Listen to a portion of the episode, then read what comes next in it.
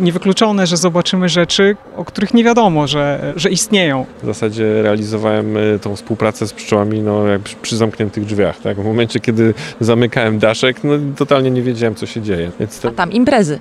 a tam imprezy. Ponieważ mamy tutaj tę swobodę, to się wszystko jakoś udaje.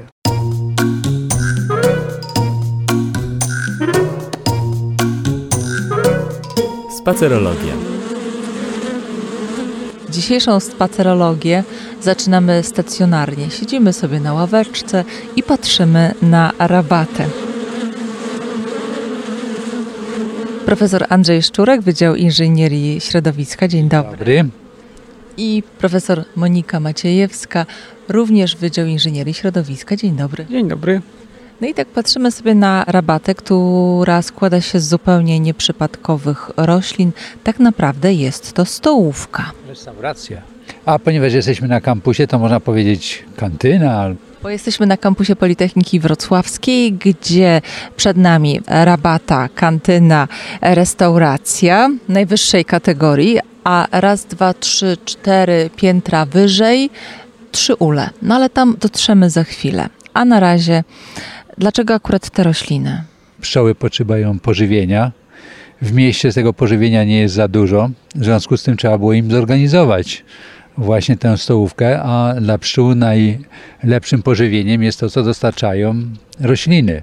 No i stąd pojawił się pomysł, żeby no tutaj oprócz akacji i lip, które będziemy mieli wkrótce, kwitnące, e, posadzić rośliny, które dostarczą tego pożywienia mniej więcej przez cały okres letni. Myśmy poprosili speców o, o dobranie roślin.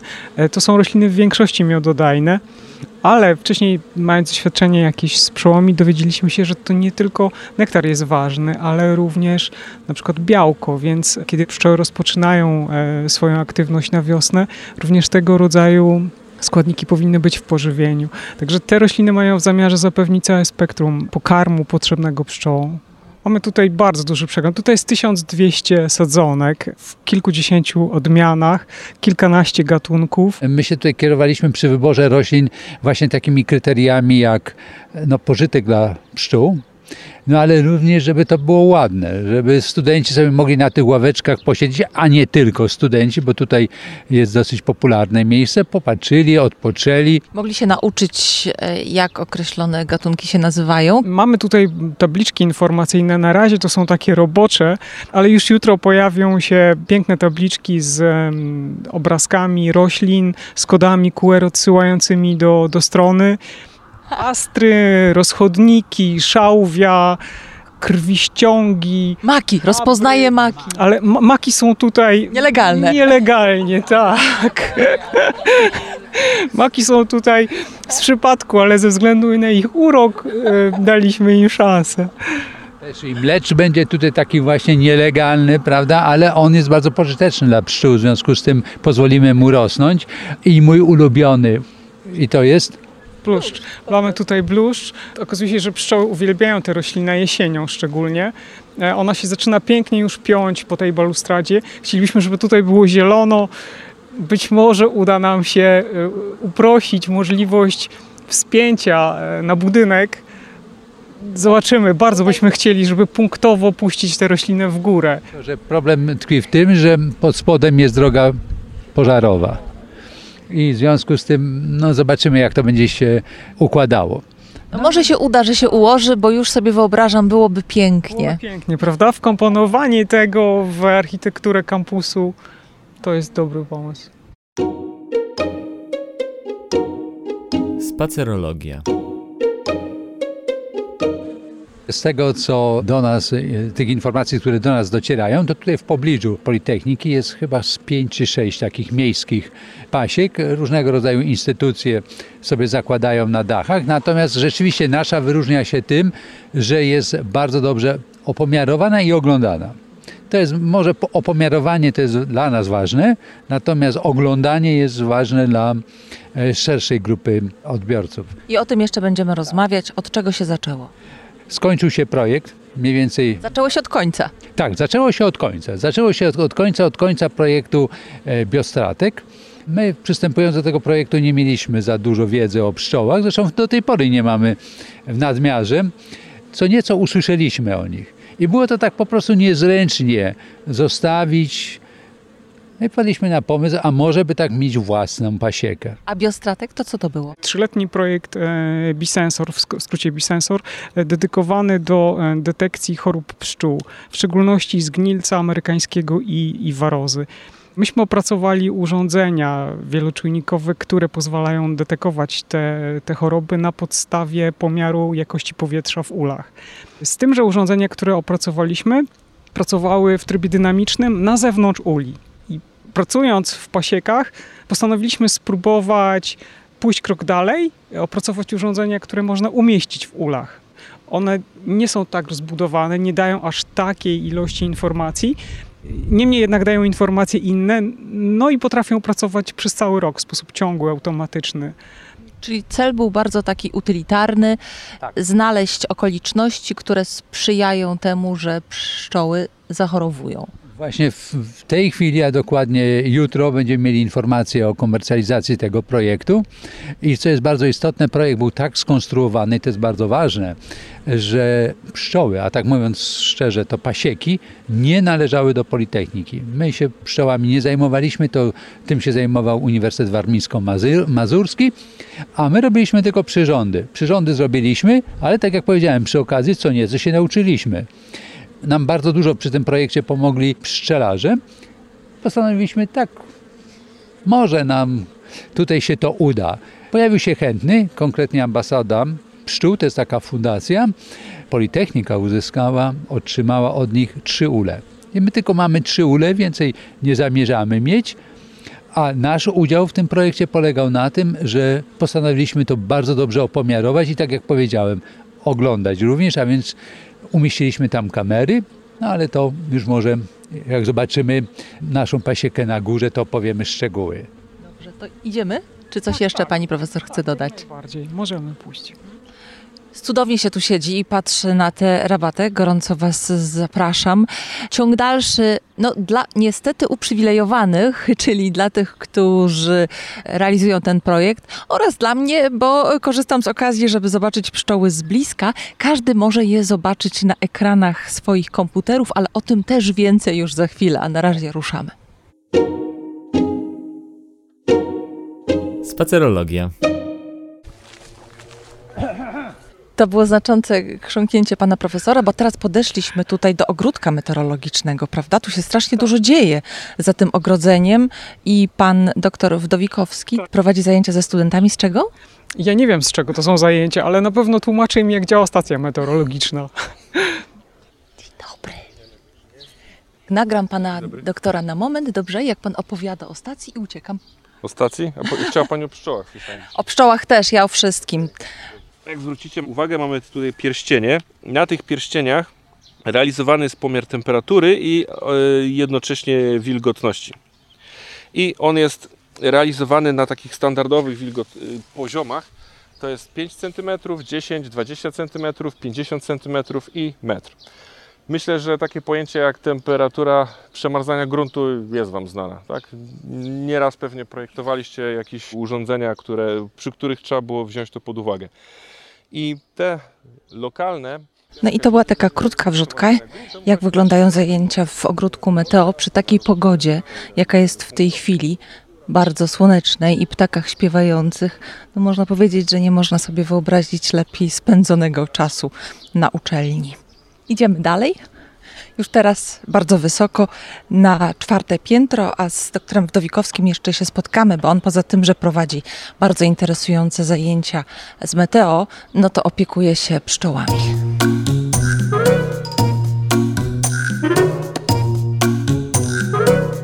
Spacerologia. Pójdziemy windą towarową, to można też nagrać jakąś. Jak brzmi winda towarowa. Tak, tędy wieźliśmy ule, no bo trudno byłoby je wnieść. Więc tutaj... Pani teraz Politechnikę z innej perspektywy. Zamykania, wciskania. Jeżeli Pani potrzebuje rozrywki, to my możemy tej chwili windę zatrzymać na przykład, prawda? Wsadzają rączkę w kurtynę. Tu jest taki problem. Powinna się zatrzymać, chyba że nie. Ale studentom zdarza się tutaj Tak. Eksperymentować. za, zatrzasnąć. Jest cała, nie można za szybko wyjść. Zobaczy Pani coś, czego jeszcze Pani nie widziała, bo to jest historia sprzed e, kilku dni. Proszę popatrzeć, tutaj mieliśmy taki monitor, który... O, tutaj na górę, tutaj na górę. Na Tak, studenci pracują i pszczoły też pracują. Idziemy na strych. Uwaga na głowę. E, Możemy się ubrać, jeśli pani chciałaby ubrać się. E, nie jest to konieczne absolutnie. To nie. Ja One nie są jestem uczulona, więc spokojne. nawet jak dziabnie, to, to myślę, że przeżyję. Nie, tego to się nie zdarzyło odpukać. I już jesteśmy na dachu. Wyżej jest podest, tak? I tam, tam jest pasieka. To jest taki specjalny podest. Uwaga na nogi. Em, Będziemy się musieli wspiąć po drabince. Czyli dozujemy napięcie. A tutaj jest właśnie panorama Całkiem przyjemna. I można sobie zobaczyć, jak Politechnika Wrocławska wygląda e, z punktu. Z punktu widzenia pszczół. Tak. Pszczołom trzeba czasami przynosić wodę, więc kiedy tutaj postawiliśmy im poidełko, widzieliśmy ślady obecności ptaków w poidełku. Przynosiły nam chleb tutaj do wody. Wydaje się, że miejsce nie jest przyjazne, a jednak przyroda sobie tutaj nieźle radzi. Tak, tak. Wszyscy, którzy tutaj przychodzą, nie bardzo chcą stąd pójść, bo można spokojnie porozmawiać. się trudzić jakimś wyjazdem do Chorwacji, Egiptu czy Turcji, kiedy można przyjść sobie tutaj na dach. Opalanie jest gwarantowane. Jesteśmy w, kom- w kombinezonach, bo jednak pracując tam staramy się być ubrani. Chociaż pszczoły są bardzo spokojne, to jest wręcz zdumiewające dla nas. Raz widzieliśmy taką sytuację, kiedy pobudziły się i, i musieliśmy uciekać sta- stamtąd, a poza tym nie. Pierwsza informacja, taka zrozumiała dla każdego, to jest to, że ule są na wadze, ta waga się zmienia w zależności od tego, ile miodu naprodukują, czy tam coś innego się sprawdza? Waga no to jest przede wszystkim waga elektroniczna, prawda? W związku z tym jest możliwość obserwowania zmiany masy poszczególnych uli, bo każdy ul ma swoją własną wagę i na tej podstawie możemy powiedzieć nie tylko ile jest tam miodu, ale również ile tam jest pszczół. Tak, bo my przeciętnie wiemy, że taka dobrze prosperująca rodzina w dobrych e, warunkach liczy około 40 tysięcy pszczół, w okresie letnim oczywiście. No i w związku z tym my możemy powiedzieć, jak, w jakiej kondycji jest ta e, rodzina. Czyli jak robi się podejrzanie lekki ten ul, to znaczy, że niedobrze. Może być rojenie w ten czas. To jest waga. Było dla nas absolutnie bardzo ciekawe, kiedy ją zamontowaliśmy. E, My pokazujemy wyniki na stronie z taką większą, z mniejszą rozdzielczością czasową, ale widzimy je z bardzo dużą rozdzielczością czasową. Okazało się, że my na tych wagach widzimy, jak żyje miasto, jak wszystko drży. To jest zupełnie nieprawdopodobne obserwowanie tego.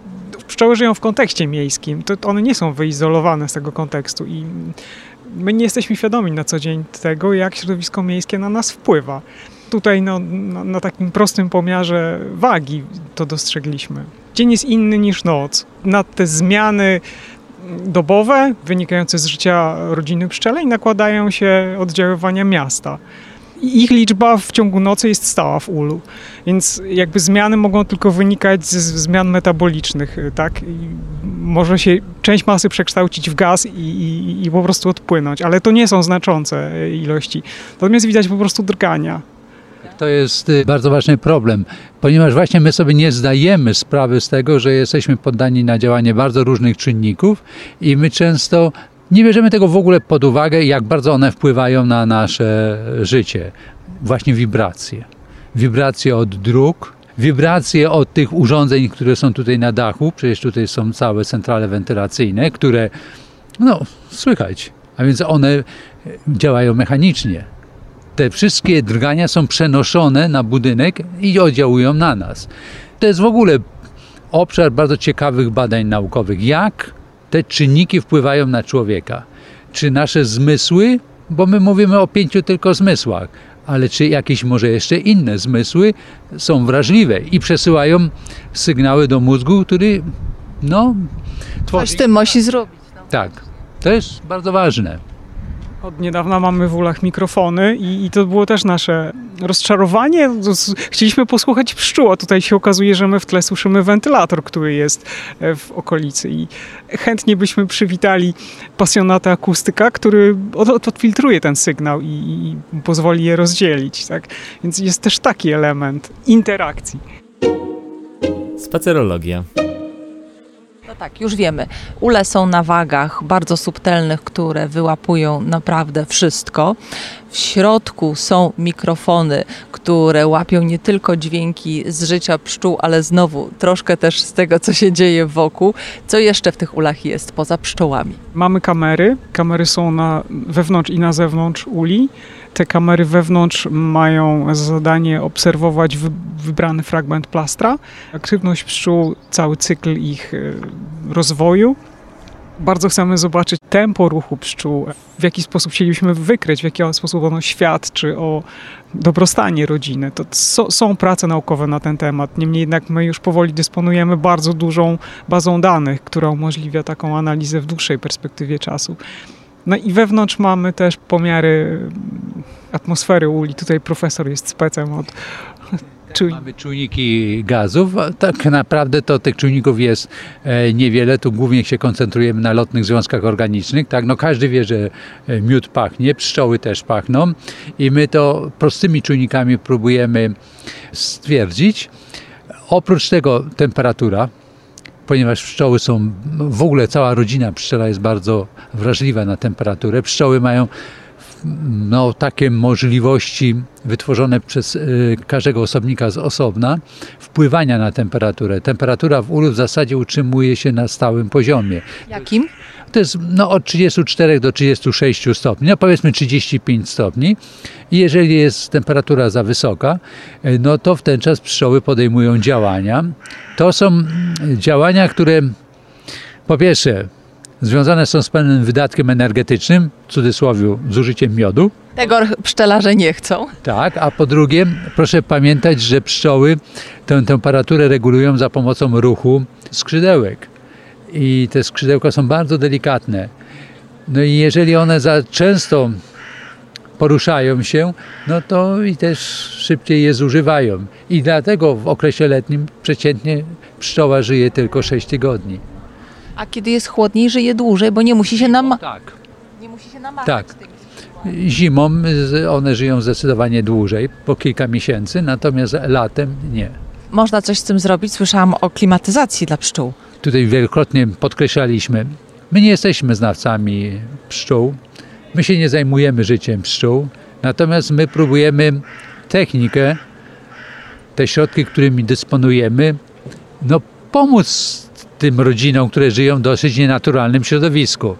I w związku z tym wpadliśmy na taki pomysł, żeby zafundować pszczołom klimatyzację. To znaczy, kiedy jest za gorąco, to mamy takie właśnie specjalne urządzenie, które będziemy w tej chwili testowali, w cudzysłowie napędzane promieniowaniem słonecznym, które obniży temperaturę właśnie do tych 36 stopni. Taki air conditioning, prawda? Zobaczymy, jak to się spisze, bo to jest ta, taki pomysł. Zobaczymy. Problem wyniknął z tego kontekstu miejskiego pasiek. Warunki na dachach właśnie są specyficzne. Duża ekspozycja, bardzo silne promieniowanie, często ciemna e, powierzchnia dachu absorbująca promieniowanie słoneczne. Więc e, nawet kiedy tutaj stawialiśmy ule, i to panowie pszczelarze mówili, uważajcie, bo tutaj może być bardzo gorąco. No i ponieważ profesor jest bardzo wrażliwy na e, żywe organizmy, to, to wpadł na taki pomysł. e, Zobaczymy, jak, jak to będzie wyglądało, jaki będzie nakład energetyczny, jak to się będzie sprawowało, jakie potencjalne przełożenie na praktykę to potem może mieć. Akurat tak się zdarzyło, że w laboratorium nam zbywało troszeczkę urządzeń. Po co mają się marnować? No mieliśmy ogniwa fotowoltaiczne, no to spróbujemy. Może Tak po inżyniersku. Mamy komponenty, to zrobimy coś. No, wła- właśnie, właśnie według, dokładnie według takiej zasady i zobaczymy. A może się to sprawdzi. To jest oczywiście celowane na te właśnie pasieki miejskie. To nie jest y, raczej oferowane takim zawodowym pszczelarzom, chociaż to nie jest wcale takie pewne, ponieważ w tej chwili, no ja nie chcę użyć słowa modne, ale w Stanach Zjednoczonych pszczelarze nie żyją z miodu, tylko żyją z zapylania. i mają tam właśnie takie specjalne kontenery, którymi pszczoły są przenoszone z miejsca na miejsce. I tam by się takie coś przydało. One po prostu do roboty są wiezione, tak żeby... Dokładnie tak. Dokładnie tak. No, wyobraźmy sobie, że zapylanie roślin na Florydzie zaczyna się już orientacyjnie w styczniu, a potem konsekwentnie, konsekwentnie to zapylanie się roślin przesuwa na północ i tak ci pszczelarze wędrują ze swoimi kontenerami. To jest całkiem niezły zarobek. Oni tak naprawdę na miód wcale nie polują. Oni polują właśnie na pieniążki farmerów. Niektóre rośliny są całkowicie uzależnione od pszczół. No w Polsce to na przykład rzepak też wymaga pszczół, żeby no dobrze plonował. Być może wydawać się, że technika w pszczelarstwie czy w pszczelnictwie to jest coś dziwnego y, i niespotykanego. Natomiast to nie jest prawda. W, w takim profesjonalnym, wielkoskalowym pszczelarstwie czy pszczelnictwie to jest jeden z elementów absolutnie podstawowych. E, Właśnie te kontenery, o których profesor wspomniał, to nie tyle są samochody do przewożenia uli, co s- samodzielne struktury, w których jest kilkanaście czy kilkadziesiąt uli, silnie zautomatyzowane, również jeśli chodzi o obsługę e, wewnątrz, bardzo ułatwiające pracę, ułatwiające zarządzanie e, rodzinami pszczelimi. Także to jest coś, co, co się dzieje i, i mm, być może rozwiązania, na które my tutaj wpadniemy, czy, czy które opracujemy, gdzieś będą miały przełożenie na takie wielkoskalowe e, rozwiązania.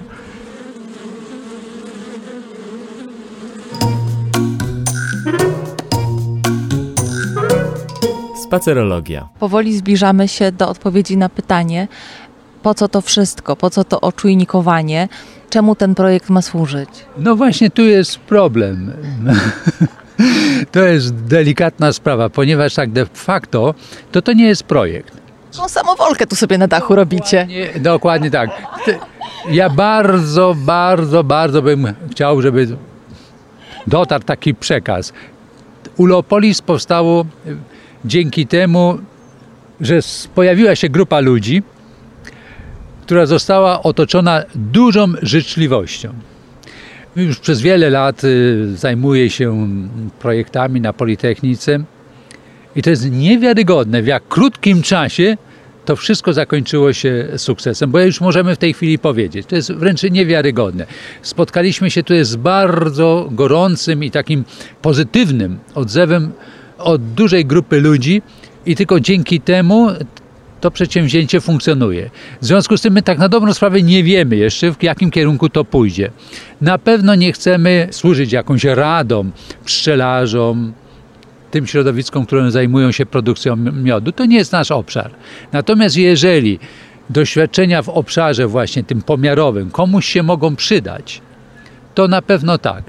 Od pewnych rzeczy nie uciekniemy.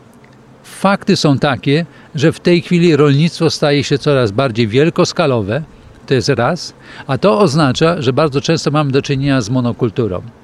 I proszę pamiętać o jednej rzeczy, że pszczoły w naturze bardzo często mają trzy tygodnie, miesiąc obfitości pożywienia, a potem byliśmy świadkiem takiej sytuacji. Sierpień, przepiękna pogoda, a pszczoły głodują, a w pobliżu rośnie kukurydza. Potężne pole kukurydzy. Pszczoły nie miały co jeść. Dlatego będą przenoszone. To ma swoje poważne konsekwencje, ponieważ na przykład w Stanach Zjednoczonych te choroby pszczół między innymi są spowodowane tym, że te ule bez przerwy wędrują, a to oznacza w praktyce, że choroba może być bardzo szybko przenoszona. Bo nie ukrywajmy tego faktu, pszczoły są w tej chwili gnębione przez choroby. Właśnie waroza jest taką chorobą, która potrafi e, w ciągu trzech lat całkowicie zniszczyć pasiekę. W związku z tym takie środki techniczne będą potrzebne i my będziemy badali. My nie mamy na to żadnego projektu, który by pomógł nam finansować. Na razie jesteśmy otoczeni, tak jak powiedziałem, życzliwością. Kto się włączył? Przede wszystkim zaczęło się do ambasady pszczół, która nam podarowała trzy ule i trzy rodziny pszczele. Potem przyszedł WCSS, czyli Centrum Sieciowo-Superkomputerowe, które było naszym partnerem w projekcie, tym wcześniejszym. A na etapie powstawanie Ulopolis niesamowicie pomogło, jeśli chodzi o te wszystkie środki informatyczne, czyli powstanie strony, transmisje. Strona jest naprawdę super i możliwość oglądania tych pszczół, jak one sobie tam siedzą w ulu i robią swoje rzeczy. To jest po prostu hipnoza. E, ca cała graficzna osłona, tutaj y, możemy podziękować panu, który wymyślił e, całą szatę, całą kolorystykę. Niesamowity pan grafik właśnie ze strony WCSS-u. Natomiast jest zespół panów informatyków, którzy na co dzień czuwają nad stroną, czuwają nad transmisją. Jeżeli coś nam, jakiś stream na chwilę się odepnie, to, to oni to wpinają.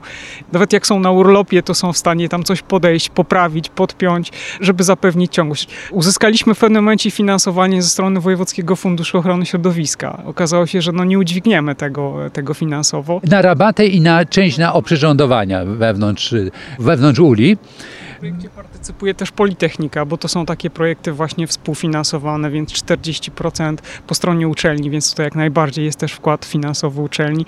Przyjazne nastawienie ze strony administracji uczelni, personelu technicznego u nas na wydziale. No po prostu panowie technicy bezcenni tutaj montowali, wszystko ustawiali, pomagali, podłączali. No, pszczoły stały się zwierzątkami domowymi, o które wszyscy chcą dbać. Trochę tak, tak, trochę tak. Takie było właśnie nasze wyobrażenie, jeżeli chodzi o tą pasiekę miejską. Nam nie chodzi o żadną produkcję miodu. Chodzi o to, że ci, którzy mają te pasieki na swoich wieżowcach, mogą oglądać te pszczoły. To naprawdę uspokaja. Od dłuższego czasu obserwujemy właśnie naszą reakcję, naszą osobistą reakcję na widok tych pszczół, które krążą. Marzy mi się, żeby na przykład jakiś statystyk zabrał się i opisał to odpowiednimi narzędziami, ten ruch pszczół. Jak one tam funkcjonują wewnątrz tego ula. Bo to jest ciekawe, to nie jest rozpoznany temat. Dźwięk. Tak? A może się jakaś kapela młodzieżowa pojawi, prawda, i zainspirowana tym dźwiękiem stworzy jakąś nową muzykę, prawda, taką naturalną, eko ekomuzykę. Także, tak jak powiedziałem, nie, nie mamy w planach, że musimy mieć takie i takie wskaźniki, mamy takie i takie milestone, tak w cudzysłowie, prawda? My tego nie mamy. Życie nam przynosi nowe wyzwania. Co wyjdzie, to wyjdzie. W związku z tym, ponieważ mamy tutaj tę swobodę, to się wszystko jakoś udaje. Chcieliśmy bardzo właśnie wyprowadzić te rzeczy na zewnątrz, jakby pokazać przeciętnemu odbiorcy, dlatego że kiedy w projekcie e, pojechaliśmy do Pasiek, żeby prowadzić tam badania, uświadomiliśmy sobie, jak niesamowicie wpływało na nas e, proste siedzenie przy ulu i słuchanie tego, jak pszczoły, e, jaki dźwięk wytwarzają latając, czy patrzenie na to, jak one wylatują, wracają, wylatują, wracają. A jednocześnie jakby wiedzieliśmy, że to jest swego rodzaju hermetyczna możliwość. Tak? Nie, nie każdy tam może wejść, nie każdy może tego doświadczyć. Część osób się boi, ma jakieś lęki. Więc postanowiliśmy zrobić takie proksy w tej formie. Być może odważą się e, niektórzy i pójdą w kierunku odwiedzenia pasiek. No, studenci czasami nas bardzo męczą o to, że bardzo chcieliby tutaj wejść i, i popatrzeć, posłuchać. Myślę, że to w nagrodę za dobrze zaliczony egzamin mogłoby być na przykład. O, to bym chcieli naprawdę dobrze zaliczyć. O, bardzo. Ja mam jeszcze jedno marzenie. My tutaj zajmujemy się elektronicznym nosem, a więc takimi przyrządami, które e, działają na podstawie naszych doświadczeń z naturalnie występującym zmysłem węchu. No i może się uda kiedyś, no prawdopodobnie za mojego życia już nie, ale może się uda stworzyć właśnie taki przyrząd, który będzie rejestrował zapachy ula, a potem uda się wygenerować te zapachy, na przykład u nas w domu. Ciekawe, czy to uspokoi, czy wręcz przeciwnie, ten zapach pracowitych pszczół będzie nas mobilizował do tego, żeby jeszcze intensywniej pracować. Ja jestem przekonany, że raczej będzie nas uspokajał. My y, końcówkę y, projektu, o którym wspominaliśmy, mieliśmy bardzo gorącą. To był okres akurat pandemii mieliśmy ograniczone możliwości prowadzenia badań, a proszę pamiętać, że pszczołami my się możemy zajmować tak de facto przez 4 miesiące, maksymalnie 5. Potem one idą już w stan spoczynku i nie za bardzo można robić takie badania. I było bardzo nerwowo. I ten spacer wewnątrz pasieki, ten zapach, ten dźwięk uspokajał uspokajał, nastrajał optymistycznie i ja myślę, że To jest doskonały środek dla tych, którzy są sponiewierani obowiązkami zawodowymi. No to już teraz można odpalić projekt Ulopolis, a właściwie nie projekt, tylko po prostu Ulopolis, wejść do któregoś z uli, poobserwować, włączyć to sobie na ekranie, włączyć dźwięk, W przyszłości może i zapach. no i łapać oddech i relaks. Tak, bardzo zapraszamy. Strona jest dostępna 24 godziny na dobę. Obserwować można pszczoły, można podglądać wyniki pomiarów, To też jest fascynujące. E, O tych pomiarach jeszcze poopowiadamy, ale tak. budować sobie własny obraz tego, co, co tam w ulach się dzieje. Są trzy, więc można je też porównać. Można własny jakiś projekt naukowy wymyślić. Najbardziej, oczywiście. Jeżeli wśród słuchaczy znajdą, znajdą się pasjonaci, których coś zaintryguje, to zapraszamy. Można się z nami bez problemu skontaktować, przedyskutować sprawę i jesteśmy otwarci.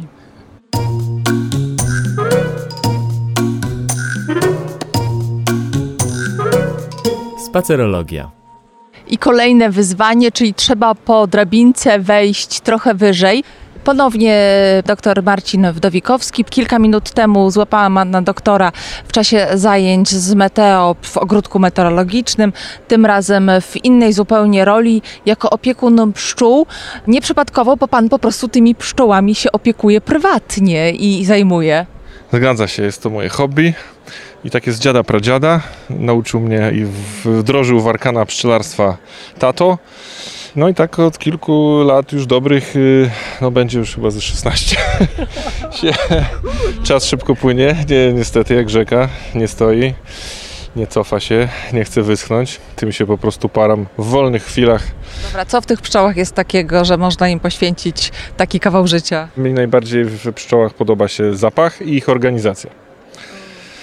W ulu jest bardzo dużo zapachów. Związane jest to z tym, że pszczoły przede wszystkim produkują co wszyscy wiemy, miód, tak? Czyli swoje główne pożywienie.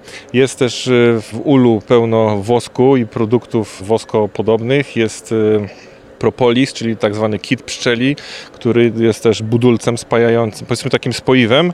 Oprócz pyłku i miodu y, jest też mleczko pszczele, który mi postanowił taką białkową bazę pokarmową do rozwoju larw i, i przekształcania się w, ostatecznie w, w, no, w tą formę doskonałą y, i, imagą owadów. I do, do tego oczywiście jest kwestia zapachu drewna, jeżeli akurat ule są zbudowane z drewna, no bo też są akurat w dzisiejszych czasach różnego typu. My akurat tu na Politechnice mamy ule drewniane. Panie doktorze, na czym polega taka codzienna opieka nad tymi pszczołami? Najlepsze jest to, że nie musi być codzienna. Ja jestem wyznawcą Nie, tradycyjnego, nie przeszkadzać? tradycyjnego podejścia, czyli jak najmniej przeszkadzać, jak najmniej ingerować. Z, z tego względu też, że jeżeli przyjrzymy się historii życia i ewolucji pszczoły, to są to jedne z naj, zdaje się z najstarszych organizmów, y, które przeżyły, ewoluowały, znaczy właśnie w niskim stopniu ewoluowały przez naprawdę bardzo długi okres, no, mierzony tam chyba w milionach lat. I Jeżeli... generalnie radzą sobie doskonale, acz w warunkach miejskich jednak potrzebują od czasu do czasu pewnie wsparcia. To już wiem, że trzeba im na przykład ochłodzić trochę w ulu. No to się zgadza. Pomagamy im jak możemy. No z jednej strony, bo takimi jesteśmy stworzeniami, że lubimy się i potrafimy w pewnym zakresie troszczyć o innych. No natomiast na pewno jest z nas jakaś buta, w- która przemawia w nas w ten sposób, że bez nas to się życie żadne nie toczy i po prostu no, musimy im na siłę organizować, y, coś tam sugerować. No i szczerze powiem, to hodowla pszczół, czy może nawet nie hodowla, tylko jakby współpraca z pszczołami, no to jest taki poker, troszkę z pogodą i troszkę właśnie z tymi wszystkimi technikami, które one mają instynktownie zaszyte, a my się musimy ich uczyć i, i na nie próbować reagować. Cały czas z tym poczuciem, że to mimo wszystko my jesteśmy pod kontrolą y, tego całego interesu, a ja odnoszę wrażenie, że czasami jest odwrotnie. Czyli rozejrzały się, hmm, są tacy, którzy tutaj mają jakiś biznes, wykorzystajmy to dla siebie. Myślę, że tak, może też, y, myślę, że też być. No, myślę, że bez wątpienia i z- z całą stanowczością można powiedzieć, że też no, działają uspokajająco. No, ja też nie bez powodu mówię, że to hobby. Każdy ma oczywiście inne. No, jeden woli jeździć na rowerze, czy nawet ekstremalnie i go to w jakiś tam sposób uspokaja i taki sposób realizuje swój wolny czas. No, mnie jakby opieka, czy to właśnie współpraca, może bardziej z taką rodziną pszczelą e, w mniejszym czy większym zakresie, tu mówię o ilości, e, no to mi sprawia dużo. Mimo tego, że często jest to ciężka praca, bo nie wiem, przenosić te elementy, często gdzieś tam w zgięciu, no to też wymaga jakiejś fizycznej ekwilibrystyki, ale mimo wszystko na ten sam koniec dnia tak zwane już czuję, że z poczuciem szczęścia i zadowolenia mogę przystąpić do odpoczynku, żeby po tym spróbować powtórzyć to w kolejnym dniu. Spacerologia. Trzy ule, trzy rodziny, każda ma jakąś swoją charakterystykę, one się różnią. Zdecydowanie. Jeżeli ktoś posiada w domu jakiegoś pupila, bez względu na to, czy jest to kot, mysz, y, nie wiem, żaba, szczurek, czy cokolwiek innego, czy żółw, y, no to też pewnie doświadczył tego, że każde takie zwierzę jest inne. No, podobnie mamy też y, z dziećmi. To mogę akurat powiedzieć, bo jestem tatą. Natomiast te nasze trzy ule są inne i inne były od początku i nawet takie ciężko poczynić takie założenie, że można wystartować, przepraszam, z warunkami e, początkowymi, powiedzmy jeśli chodzi o eksperyment, że będziemy mieli trzy identyczne e, rodziny. To, to jest bardzo trudne, wręcz niemożliwe, z tego względu, że nawet ciężko byłoby je po policzyć co do sztuki, że powiedzmy mamy ich w danej chwili 5000 i od tego momentu zaczynamy. No to to jest dosyć, yy, dosyć ciężko do zrobienia. Każda ma też swój charakter, to wynika oczywiście w pewien sposób z jakiejś linii genetycznej, z miejsca, z którego pochodzą. No my tutaj yy, na ten moment yy, przynajmniej mamy takie założenie, że są i tak fizjologicznie też to widać po kolorze ich, że, że są w miarę z jednej linii, tej tak zwanej krainki, czyli bardzo spokojnej pszczoły, która jest dosyć popularna w, w Polsce. Już tam nie wchodząc w różne podtypy, bo też mogą Państwo bardzo często dziś zaobserwować taką pszczołę, która jest troszkę ciemniejsza. Nie ma tak wyraźnych tych, tych, tych pasków. Nie? No nie są to takie paski powiedzmy żółto-czarne czy żółto-brązowe jak u szerszenia czy u, czy u osy, ale jak e, Państwo się przyjrzycie chociażby na naszych e, materiałach, na naszych tych filmach streamowanych na żywo, które na stronie Ulopolis można podejrzeć, to tam się można dostrzec, że są to takie powiedzmy pomarańczowe, lekko brązowe paseczki i one charakterystyczne są dla wszystkich trzech uli. Czy my możemy chociaż troszkę tam coś zajrzeć? E, Tak, to- oczywiście. Tutaj fajne jest to, że myśmy zbudowali w zasadzie nasi panowie technicy. Wymyślili całą, całą taką uprząż dla ula, bo ze względu na to, że jest bardzo wiecznie na dachu. Więc ul jest trzymany, a jednocześnie bardzo łatwo go odbezpieczyć. Ja podniosę, natomiast tutaj z czasem, z czasem mo- mogłaby się pojawić taka opcja Że one się uchylenia. zdenerwują? Nie. Nie, nie, nie. powinny, Ale tutaj podchodzą, już widać Tak, przez takie okienka. tak to są takie siateczki wentylacyjne. Można, można już je po- poobserwować oraz zajrzeć w ogóle do środka. No i to robi wrażenie. I one sobie tak nieśpiesznie tutaj, tak. Tak wspomniałem, to jest bardzo spokojna rasa, więc jeżeli ma zajęcie... Yy, A co one teraz robią? Pilnowane. No w, w tym czasie, w jakby roku, w którym jesteśmy, no jest to okres intensywnego rozwoju, więc maksymalnie poszerzają y, gniazdo, wypełniają te miejsca, które są puste, y, uzupełniają swoje właśnie ramki gniazdowe i zbierają, o ile tylko są pożytki dookoła, czyli y, nektar, nektar pyłek z roślin z roślin miododajnych. Na ten moment, akurat w warunkach miejskich, ja już wczoraj je podejrzałem na ulicy Norwida, jak przechodziłem, że bytują sobie na y, akacji. Więc jeżeli tutaj, myślę, obdarzą nas tutaj jakimś zasobem miodu, no to jest duża szansa, że będzie to A gdzie są te, te urządzenia wszystkie czujnikowe, Są- pomiarowe? to Może otworzymy drugi, bo ko- korpus jest łatwiej dostępny. Urządzenia są w tym dolnym korpusie, w gnieździe. Tak, a to jak już jesteśmy, to zobaczymy, czy coś tutaj, czy coś tutaj przyniosły. Może w tych pierwszych zobaczymy. I one tutaj sobie tak powolutku, Tak, nie nerwowo, my góry- im zaglądamy. Zaczynają uzupełniać sobie ten plaster. Tu jest taki zestaw startowy, czyli taka tafla zwana węzą, gdzie natrasowane są komórki, z których budują taki regularny wzór. Yy, Natomiast mamy też takie już zbudowane. No, wszystko poklejone, przywarte jedno do drugiego. O, No tutaj to już większa ekipa. tu będą zbierały, będą składowały miód. Ale pani profesor widzę, że też wciągnięta już jak pszczelarz. E, Marcin mnie troszeczkę uodważnił tutaj. Ale nie, tak, nie, bo my ja to wszystko robimy tak trochę na freestylu, po partyzancku, ale też i pszczoły nam na to pozwalają, bo naprawdę zachowują się jak takie udomowione zwierzątka. Najwyraźniej czują się zaopiekowane Mają i zajęcie, nie interesują się nami za bardzo. Tak. To jest najważniejsza rzecz, tak. Plus sprawy, najważniejsza rzecz do przypilnowania, żeby cały czas miały zajęcie. Jeżeli są przepełnione, tam kubaturę już wypełniają, no to wtedy będą myślały o tym, żeby się podzielić. To jest ich naturalny proces, czyli wtedy będą już myślały o wytworzeniu nowej królowej, no i w jakimś tam podziale na dwa, na trzy, w różnych, w różnych konfiguracjach. co wtedy się wydarzy, jak Wtedy część z nich wylatuje po prostu i szuka nowego miejsca.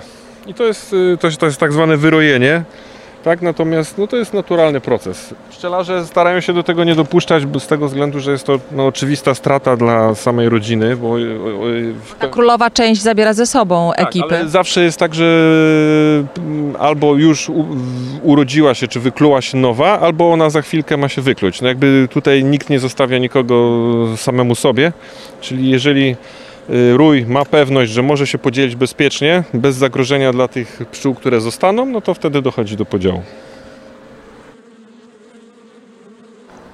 To są nasze nowe mieszkanki. Zobaczymy jak zareagują.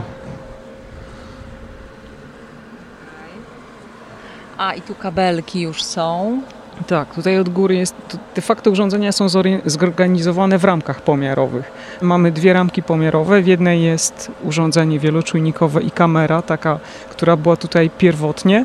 W tej chwili ją wyłączyliśmy, e, a włożyliśmy nową ramkę, gdzie jest kamera zbierająca w dużo bardziej intrygującej rozdzielczości i mikrofon. One nie zaklejają tych kamer, tych mikrofonów, tych czujników, wszystkiego? Zdumieni tym, że nie. To jest dla nas fascynujące. Baliśmy się przede wszystkim, że urządzenie zostanie zaklejone. Absolutnie nie. Widzimy to na, na, na pomiarach. Ono jest oczywiście w takiej osłonce siatkowanej, ale absolutnie pszczołom nie przeszkadza. Również kamera, która jest delikatnie podświetlona, też nie wywołuje z ich strony żadnego protestu. Dzięki temu możemy oglądać, oglądać obraz również w nocy. Oczywiście to jest jeszcze rozwiązanie dalekie od optymalności, tak, tak naprawdę można myśleć o, o, o ulu, który ma dedykowaną konstrukcję już pod aparaturę pomiarową, ale to jest gdzieś w dalszej perspektywie. Na razie chcieliśmy zobaczyć, czy to w ogóle jest możliwe, zrobić taki proof of concept i monitorować to przez czas dłuższy, no bo też było pytanie, czy takie urządzenie czujnikowe wytrzyma w tych warunkach długo, jak długo, czy będą stabilne odpowiedzi. Przez rok czasu okazuje się, że tak. Zobaczymy, jak będzie dalej. Zamykamy? Tak. Nie ma tutaj co szukać. Tak mam wyrzuty sumienia, że ich mir domowy zakłócamy. Chyba nas nie zauważają w ogóle. Wszystko precyzyjnie. Spacerologia. Panie doktorze, pan się czegoś dowiedział więcej o pszczołach dzięki tym pomiarom? Bardzo mi się podoba ten system monitoringowy i bardzo on się nasz, nasz dobrze sprawdził w tym roku z tego względu, że byliśmy w stanie zidentyfikować taki nagły spadek temperatury w ulu związany z załamaniem e, pogody, które utrzymało się przez dłuższy czas i dzięki temu można było zareagować po prostu przyjść z dociepleniem tych uli, żeby one uszczelnieniem, dociepleniem, żeby nie wytracały tego ciepła, które sobie generują i, i w którym się utrzymują właśnie w, przez zimę. Wieczorem przynajmniej ja śledziłem to, w jaki sposób ta zachowuje się temperatura i, no i czy nie jest już na tyle niska, y, żeby zagrażało to po prostu im życiu. Rozumiem, że te wszystkie informacje z czujników mają wskazać takie punkty krytyczne, w którym zaczyna się dziać coś złego. Jak jest człowiek i zagląda do tych uli, to jest w stanie to wyłapać, czy jednak te czujniki są na tyle precyzyjne i to, co można zobaczyć na ekranie, daje więcej informacji, więc ta interwencja może też być szybsza, skuteczniejsza. No zdecydowanie czujniki czy pomiarowanie umożliwia to, że znamy warunki w środku, panujące wewnątrz ula, termiczne czy wilgotnościowe bez mm, konieczności zaglądania do środka. Więc jeżeli w warunkach zimowych tak, otwieramy taki ul, czy nawet chociaż ciut za, e, do niego zaglądamy, no to już naruszamy tą strukturę wypracowaną, rozszczelniamy ten ul. One wtedy, jeżeli powstanie jakaś szczelina, no w takim okresie jakby życia swojego w ciągu roku, no nie są w stanie już go zakleić. Tak? Teraz w lecie otwieramy go, ale okej, sobie pozaklejają i będzie w porządku. No w zimie trzeba na to uważać. Więc tutaj stosowanie aparatury, no wydaje się, że jest no, zbawienne, ponieważ nie, bez zaglądania, bez ingerencji jesteśmy w stanie zidentyfikować te najważniejsze elementy. Proszę pamiętać o jednej rzeczy, że czujniki dostarczają nam tylko dane, natomiast nam zależy na informacji. I bez obserwacji pszczelarzy my tej informacji nigdy nie uzyskamy. Naszym zadaniem jest mierzyć, ale następnie dać podkład interpretacyjny na podstawie obserwacji, którą dokonują pszczelarze. I tutaj trzeba pogodzić te dwa podejścia. Na chwilę obecną czujniki, prawdopodobnie się to w przyszłości zmieni, nie są w stanie konkurować z obserwacjami pszczelarzy. Ale umówmy się co do jednej rzeczy. Czujnik jest w stanie obserwować przez 24 godziny warunki wewnątrz ula. Pszczelarz nie. W szczególności jeżeli ma dużo tych uli, to on nie jest w stanie zaglądać co chwilę. Zresztą to nie jest skazane, bo pszczoły się denerwują. Dlatego to już poza tym e, Ulopolis, takie nasze zadanie, skorelować te wyniki pomiarów, które uzyskujemy za pomocą czujników, z obserwacjami. Tutaj e, sporo było mówione o warunkach meteorologicznych, to proszę popatrzeć, tutaj obok mamy stację meteorologiczną, prawda? I możemy porównywać warunki meteorologiczne, które panują tu bezpośrednio przy ulu z reakcją pszczół, ale my musimy te pszczoły obserwować i musimy też mieć informacje. Te pszczoły się zachowują tak, ponieważ zaistniały takie i takie warunki. To jest bardzo ważne. My musimy tutaj współpracować z pszczelarzami, którzy mają no, duże doświadczenie wprowadzamy też nowe elementy w tym sensie, że istnieje duża wiedza na temat warunków temperaturowo-wilgotnościowych w ulach i przełożenia tych warunków na zachowanie rodziny. Natomiast nową są pomiary chemiczne. My mamy tutaj w ulach pomiary stężenia dwutlenku węgla, lotnych związków organicznych i również cząstek stałych. I teraz niewykluczone, że zobaczymy rzeczy, o których nie wiadomo, że, że istnieją. Znajdziemy inne markery dobrostanu rodziny, zachowania rośliny, jakichś elementów jej życia, które wymykają się percepcji obserwatora, czy nie pozwala na nie obserwacja temperatury, czy właśnie wilgotności. Ja powiem w ten sposób, no, dla mnie ten ostatni czas, no, już ponad rok, to jest rewolucyjny w zasadzie czas, z, tego względu, że no, ja te kilkanaście lat swoich doświadczeń no, w zasadzie realizowałem e, tą współpracę z pszczołami no, jak przy zamkniętych drzwiach. Tak? W momencie, kiedy zamykałem daszek, no, totalnie nie wiedziałem, co się dzieje. No, więc, więc, więc A tam imprezy. A tam imprezy, tak. A, a w tym roku faktycznie e, no, dało to dużo powodów do różnych rozmyślań, rozważań i e, no i szczerze powiem, jak zaglądam na swoją własną pasiekę, to już czuję, że mi właśnie tych elementów zaczyna brakować i chętnie siedząc też wieczorem oprócz Ulopolis podejrzałbym również co się dzieje w moich ulach. Super, że, że Marcin tutaj jest i, i ma też bardzo dobry kontakt z, ze środowiskiem pszczelarzy e, w okolicy. Mam nadzieję, że będzie kanałem przerzutowym nowych technologii. No, a proszę pamiętać też o jednej rzeczy. My wszyscy pracujemy na Wydziale Inżynierii Środowiska i to środowisko powinno być pokazywane zapraszamy pszczelarzy do tego, żeby przyjrzeli się projektowi, bo bo może e, znajdą w nim jakąś szansę na to, żeby lepiej opiekować się swoimi pszczołami.